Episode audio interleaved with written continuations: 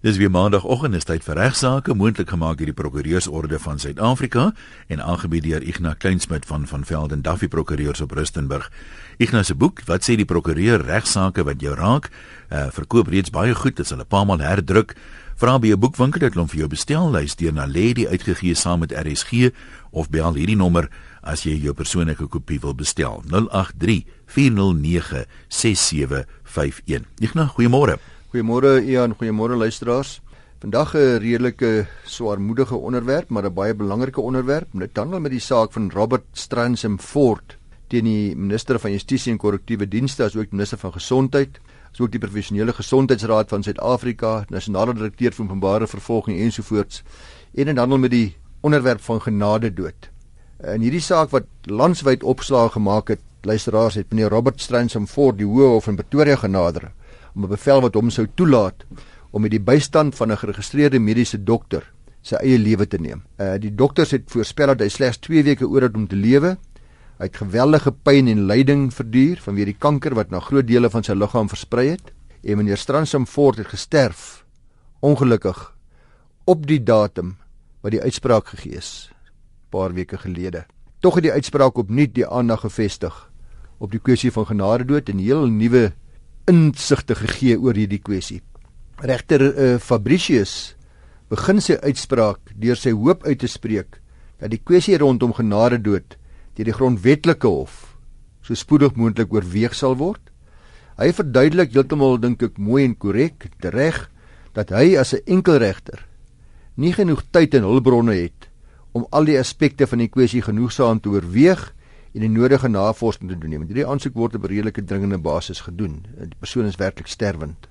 Hy verduidelik dan ook dat hy meen dat die grondwetlike hof met baie regters en baie navorsingsklerke hulle self uitstekend van die taak sal kwyt.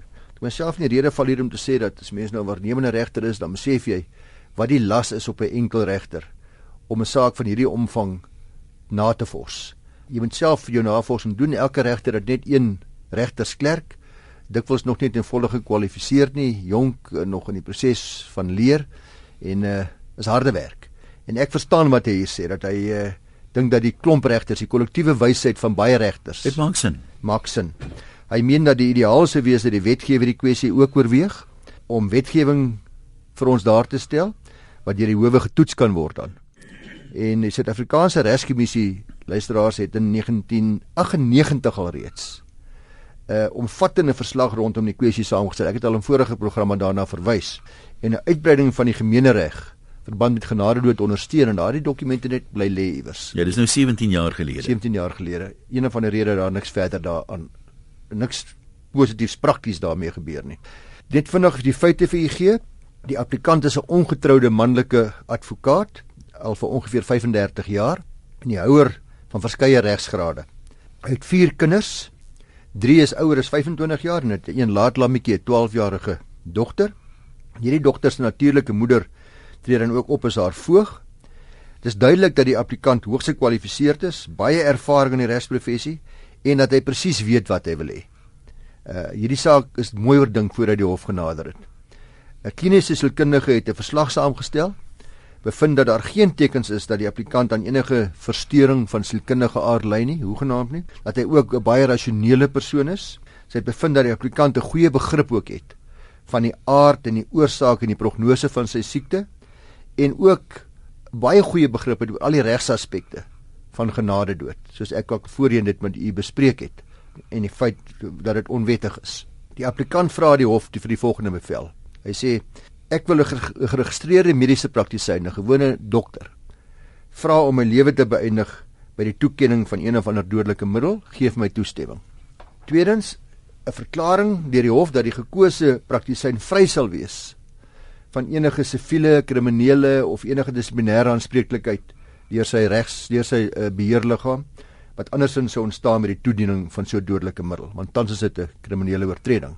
Uh, derdens, 'n uitbreiding van die gemeenereg vra hy tot so 'n mate dat dit die optrede van die mediese praktisyn en die toepassing van genadedood regmatig en grondwetlik sal verklaar onder die spesifieke omstandighede wat voor die hof is. So hy sê hof kyk net eers na my omstandighede en maak 'n bevel dat in my omstandighede hierdie spesifieke omstandighede 'n praktisyn gemagtig word om my dood te maak om dit so kras te stel om 'n middel toe te dien. Tweedens dat daai praktisyn nie deur enigiemand vervolg kan word nie.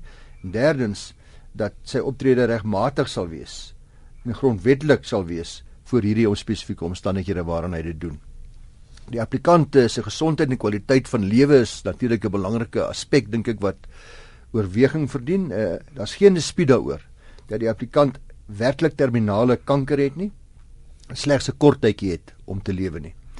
Die applikant se kwaliteit van lewe het kenmerkend versleg gedurende die middel van Maart 2015 veral die paar weke voor die aansoek. Hy het gelei aan erge pyn, naarheid, braaking, maagkrampe, hartlywigheid, gewigsverlies, verlies in eetlus, hoë bloeddruk, swakheid.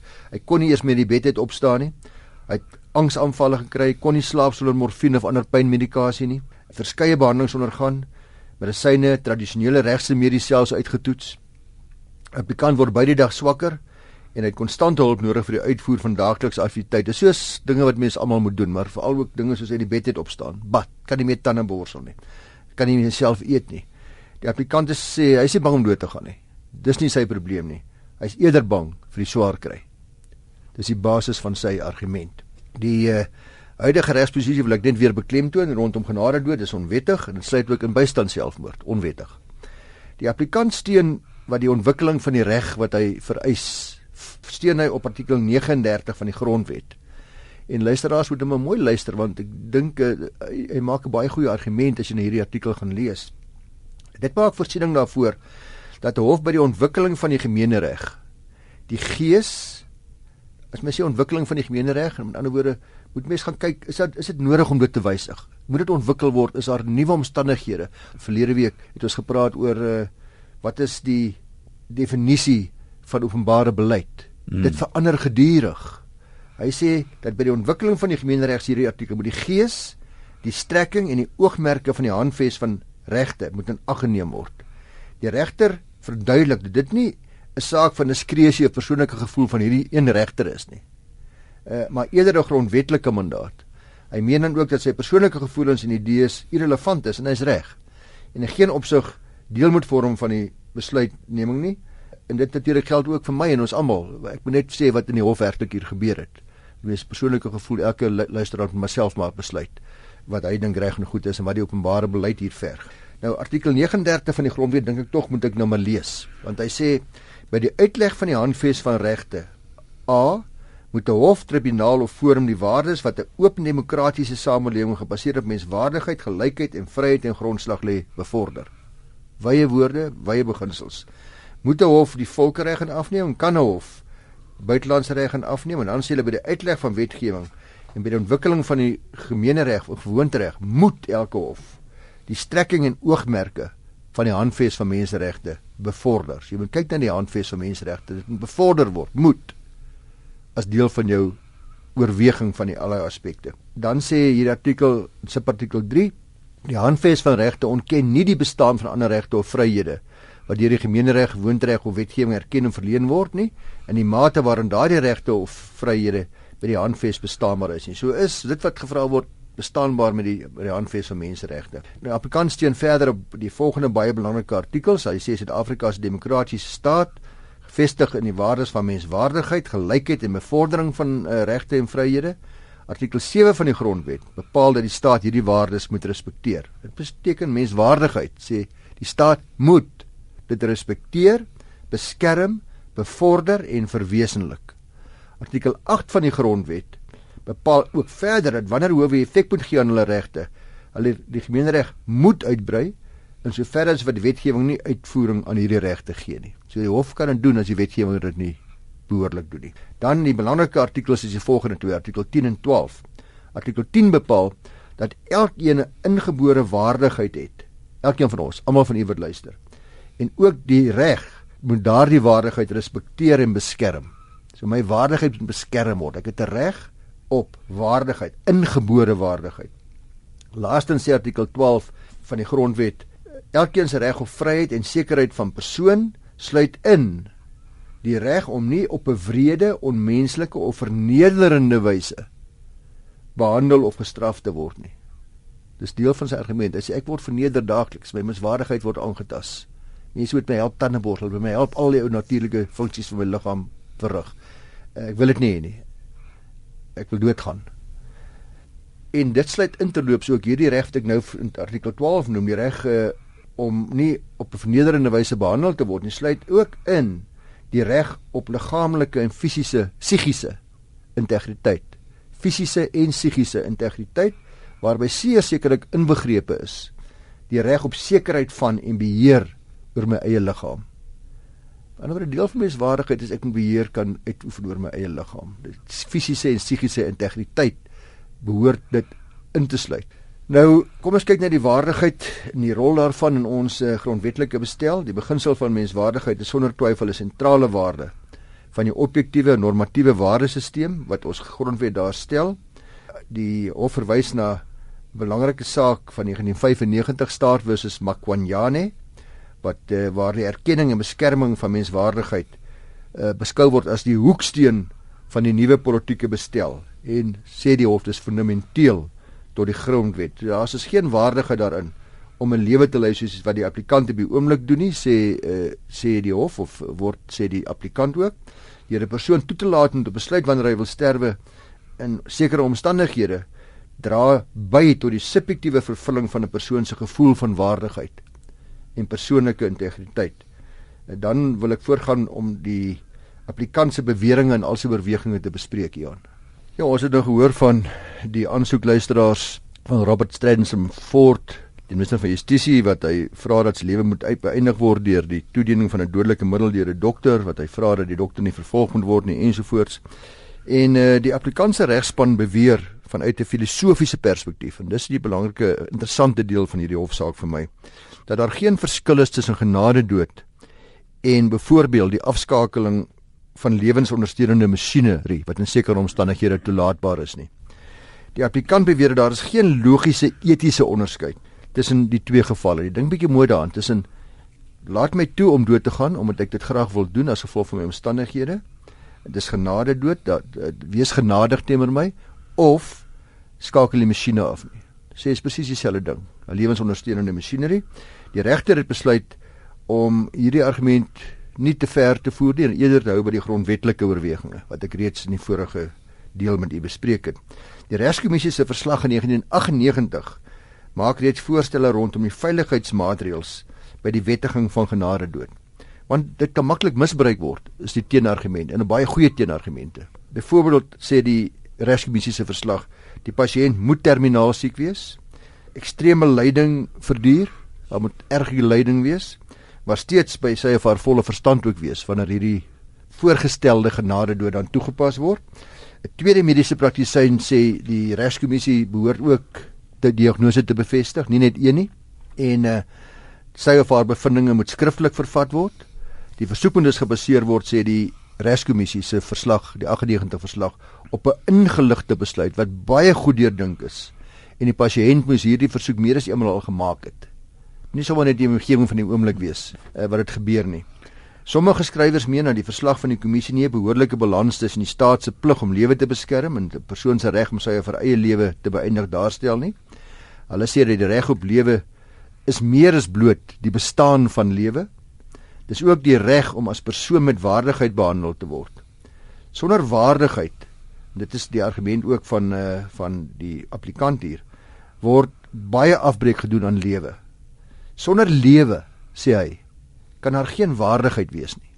Maar vice versa kan hy ook sê daar word baie afbreek gedoen as daar geen waardigheid is aan die kwaliteit van lewe. Nou hierdie balans is 'n baie belangrike balans sê die regskommissie. Die huidige regsposisie rakende genade en dood kom vanuit die era voor die grondwet, moet ons onthou. Dis 'n uh, en nou in 'n postgrondwetlike era vereis die reg 'n uh, ontwikkeling om 'n effek te gee aan die grondwetlike regte van die applikant. Die regter baseer dan ook sy beslissing juis op hierdie oorwegings, die grondwetlike oorwegings wat die applikant geopper wat ek reeds genoem het, die verskillende artikels van die grondwet. Die regter sê ook hy het verskeie boeke, baie wyd gaan lees, is baie duidelik as jy die uitspraak lees. Hy het verskeie opinies van belangrike rolspelers in die mediese bedryf en reg oor die wêreld oorweeg. Hy stem saam met die kommissie se bevinding dat die wettiging van genade dood streng gereguleer en gemoniteer behoort te word om misbruik te voorkom. En dit is later baie maklik om te sê, weet, uh, ag jongens, hierdie ou maar laat doodgaan want hy uh, was eintlik wat hy wou gevra het, wat hy wou gehad het ensovoorts. Die applikant se regspan beweer dat dit 'n fundamentele menslike reg is om in waardigheid te sterf en ook dat al die grondwetlike bepalinge die howe eintlik verplig om hierdie reg te bevorder, te respekteer, te beskerm, te verwesenlik. En belangrik, regter Fabricius stem saam met hierdie benadering. Hy wys daarop dat hy bewus is dat daar uiteenlopende opinies is oor genadedood.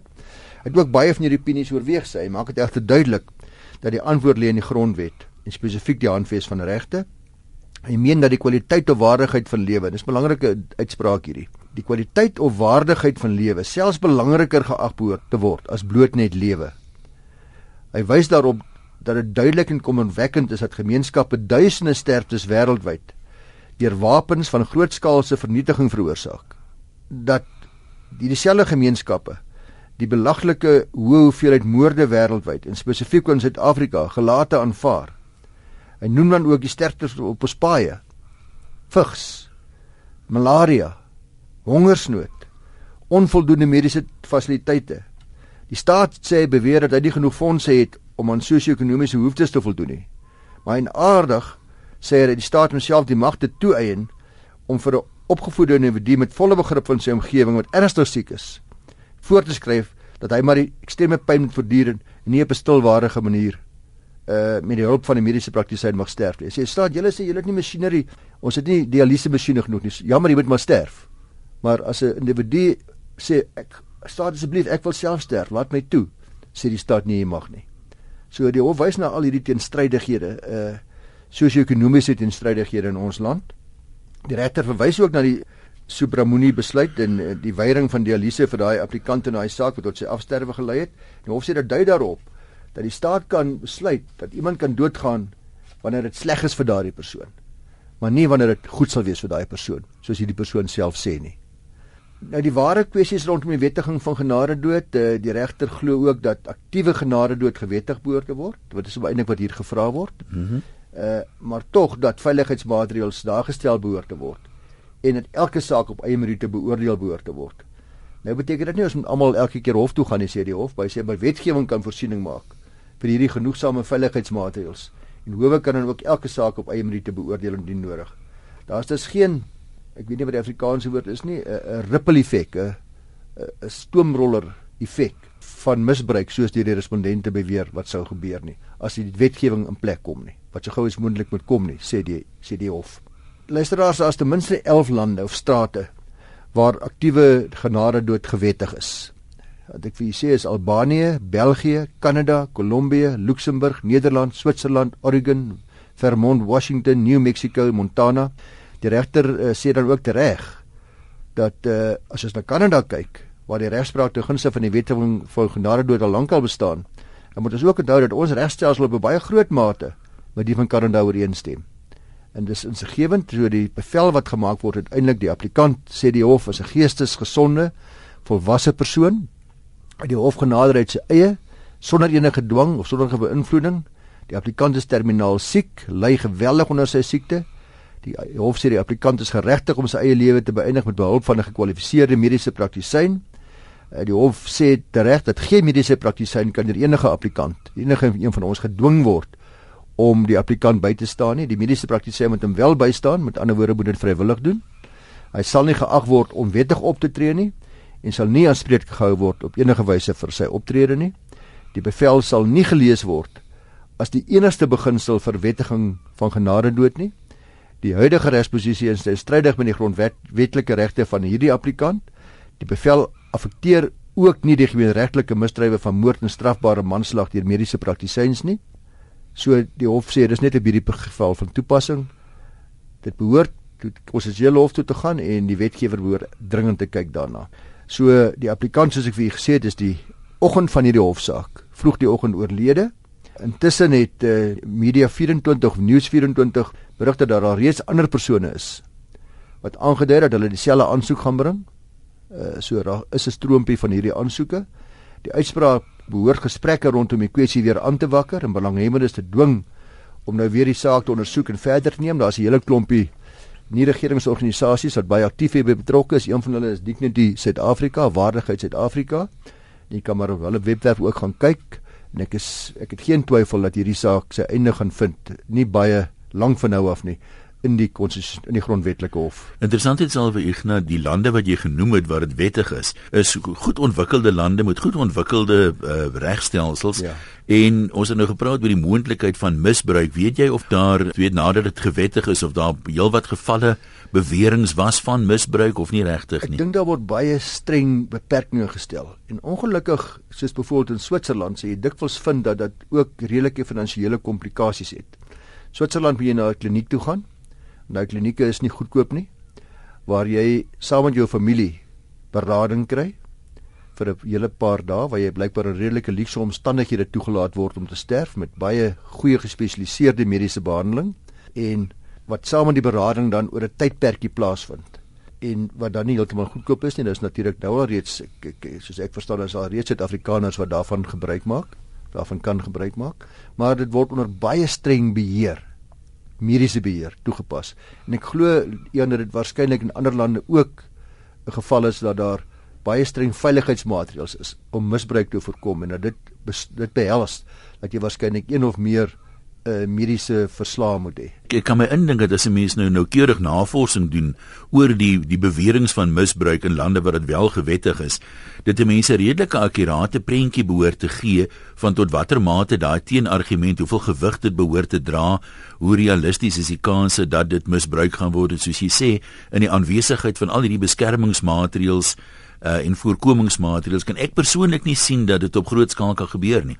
Statistieke is nie gegee in hierdie hofsaak nie, maar jy prikkel in my belangstelling en ek glo dat mense soos Dignity Suid-Afrika en ander nie-regeringsorganisasies sal waarskynlik van hierdie inligting beskikbaar hê en dalk ook die uh, verslag van regskommissie van 1998 sal waarskynlik ook sulke statistieke hê wat op daardie stadium bestaan het. Iets wat van 'n somber noot, maar uh, ons kry altyd geweldig baie terugvoer van luisteraars as ons oor hierdie kwessie praat. Ignas se e-posadres is igna@ffd.co.za en regsaake word moontlik gemaak deur die Prokureursorde van Suid-Afrika. Ignas, baie dankie. Baie dankie Ian en 'n uh, goeie dag vir julle almal luisteraars.